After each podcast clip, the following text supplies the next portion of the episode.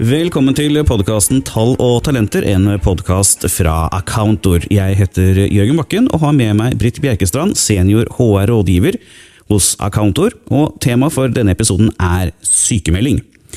Sykemeldingen kommer inn til deg som arbeidsgiver, og hva gjør du da, Britt?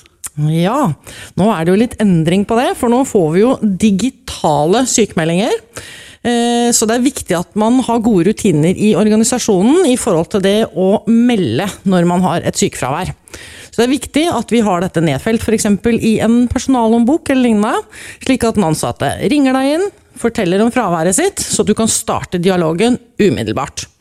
Dette for å kvalitetssikre om du kan tilrettelegge for noe, hvor lang tid man tror at sykefraværet vil vare, og så må man også minne den ansatte da på at denne sykemeldingen er digital. Det betyr at den ansatte må gå inn på sitt Nav, for den har fått en e-post. E så må man gå inn på sitt Nav, og så må man der bekrefte hvorvidt man skal bruke denne sykemeldingen eller ikke. Dette er fordi at i dialogen med leder i første runde, så kan vi kanskje avklare at man ikke trenger å bruke sykemeldingen, for vi klarer å tilrettelegge på arbeidsplassen. Men må den brukes, så går vi inn på ditt Nav, og så må de faktisk aktivere sykemeldingen sin der, og så vil arbeidsgiver få beskjed om dette. Når man da først skal melde ifra, holder det å sende en SMS? Kan man sende mail, eller må man ringe?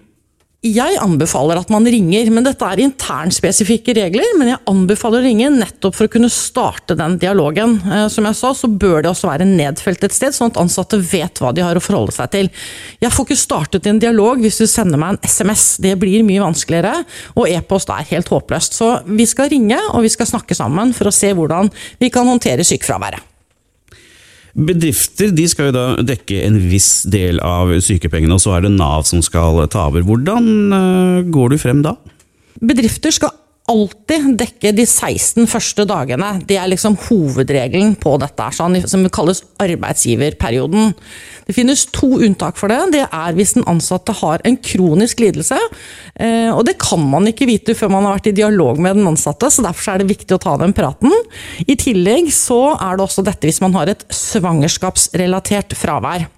Eh, da betyr det at fraværet skyldes svangerskapet. Det hjelper ikke å brekke benene og være gravid, men eh, det er hvis det er svangerskapsrelatert, så kan man få slippe å betale de 16 første dagene. Ja, Så hvis det er bekkenet som er problemet, da ja, gjelder den regelen? Ikke sant? Kvalme og alle disse tingene som hører med. Hva skjer videre etter de 16 første dagene? Da er det jo sånn at arbeidsgiver kan velge å forskuttere lønnen utover dette, som vi kaller det. Det betyr at eh, hvis jeg blir sykemeldt, så vil arbeidsgiver alltid fortsette å betale lønnen min inntil ett år hvis jeg er syk så lenge. Da slipper jeg å forholde meg til Nav på noen som helst slags måte. Det er arbeidsgiver, bare gi meg dette. Det betyr at de også ofte betaler feriepengene, altså sparer opp dette for meg, i motsetning til hva man gjør hvis det blir overlatt til Nav. For det er det andre alternativet. At det er etter de 16 dagene så er det Nav som starter utbetalingen av sykepengene dine.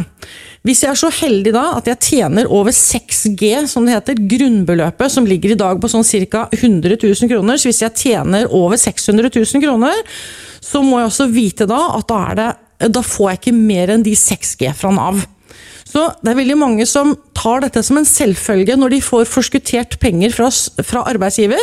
Det er en veldig gode du får som arbeidstaker når arbeidsgiver velger å gjøre det. For hos Nav så kan du risikere å få mindre utbetalt. I tillegg så får du bare 45 dager med feriepenger oppspart fra Nav. Så arbeidsgiver har en kostnad når de velger å forskuttere eh, for deg. Ikke bare det at de for de får ikke igjen mer enn 6G, de heller. Så det overskytende over 6G, det blir en kostnad for arbeidsgiver. Ja, Så da velger arbeidsgiver eventuelt å være snill? Ja, det er en gode man kan gjøre. Det er ikke en selvfølge i det hele tatt. Har eh, arbeidsgiver et ansvar for å følge opp den ansatte under sykemeldingen? De har helt klart, Det er de som har hovedansvaret for å følge opp. Det er de som har hovedansvaret for å starte denne lovpålagte oppfølgingen i forhold til Nav.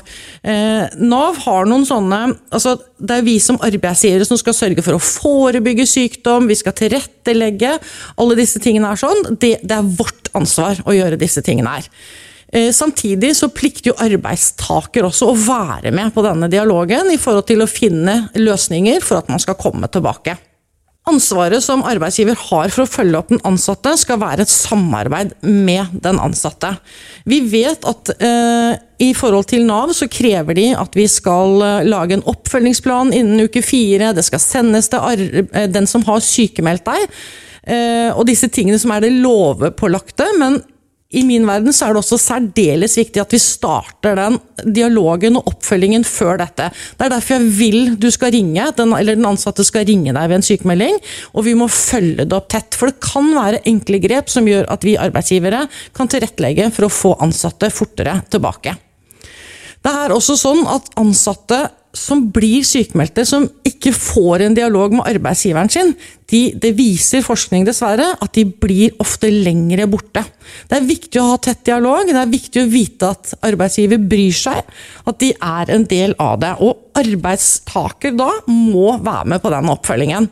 Så det er rett og slett en dialog som vil sørge for at det, eh, det blir bedre helse da, på sikt også for eh, arbeidstaker? Definitivt. definitivt. Og vi alle liker å føle at eh, vi er ønsket på jobb, og at det er viktig at vi er der. Så det er viktig at vi har den dialogen hele veien. Og vi trengs på jobb. Men det er vel kanskje også noen krav og plikter for arbeidstaker oppi det hele også? Helt klart. Og tidligere så var det sånn at arbeidsgiver, det er sikkert mange som husker, at de fikk noen brev fra Nav om at ikke de hadde fulgt reglene for oppfølging, så de skulle få bøter. Det er borte i dag. I dag så er den største konsekvensen faktisk for arbeidstaker. Det betyr at hvis arbeidstaker ikke møter på dialogmøter, ikke svarer oss på meldinger, ikke er med i dette samarbeidet, så er det de faktisk som kan miste retten til sykepenger. Men skulle da arbeidstaker eh, i en godt behandlet prosess føle seg friskere enn, kan den da vende tilbake til arbeidet før uh, sykemeldingen er ferdig? Det kan de helt klart.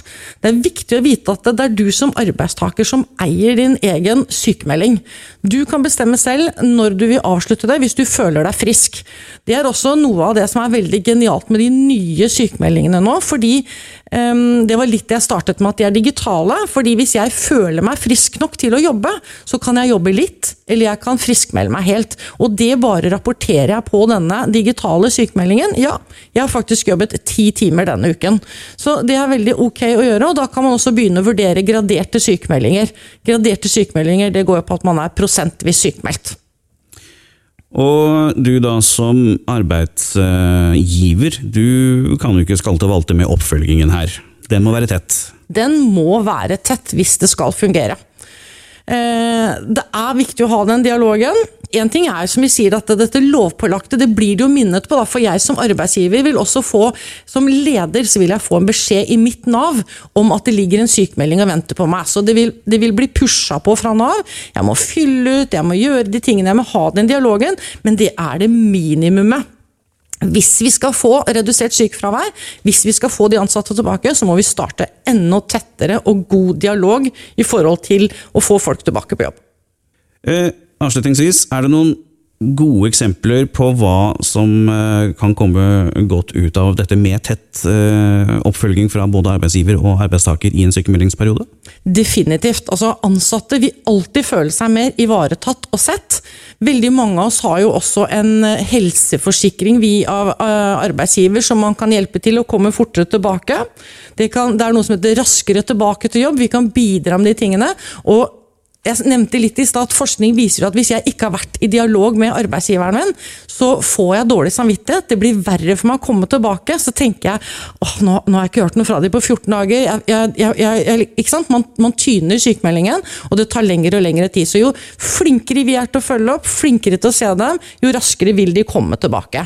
Og ansatte som trives på jobb, som ser at arbeidsgiver bryr seg, der er, går også terskelen opp for å bli sykemeldt. Ikke sant? Så der er det mm. også en fordel da ved en mm. tettere, gode, bedre dialog. Mm. Så går også sykefraværet ned, og behovet for det også, kanskje. Ja, Et godt arbeidsmiljø det gjør at det trives på jobb, og det er ofte da Og så er det jo sånn at det er lov å være syk, så det er ikke det det går på. Folk blir syke, men, men litt den, der, den terskelen blir høyere når man trives på jobb. Sykemelding er et stort og viktig tema, og trenger du mer informasjon og rådføring, så kan du ta kontakt med Accountor. Dette har vært Tall og talenter. Abonner gjerne på podkasten, og les mer om oss på accountor.no.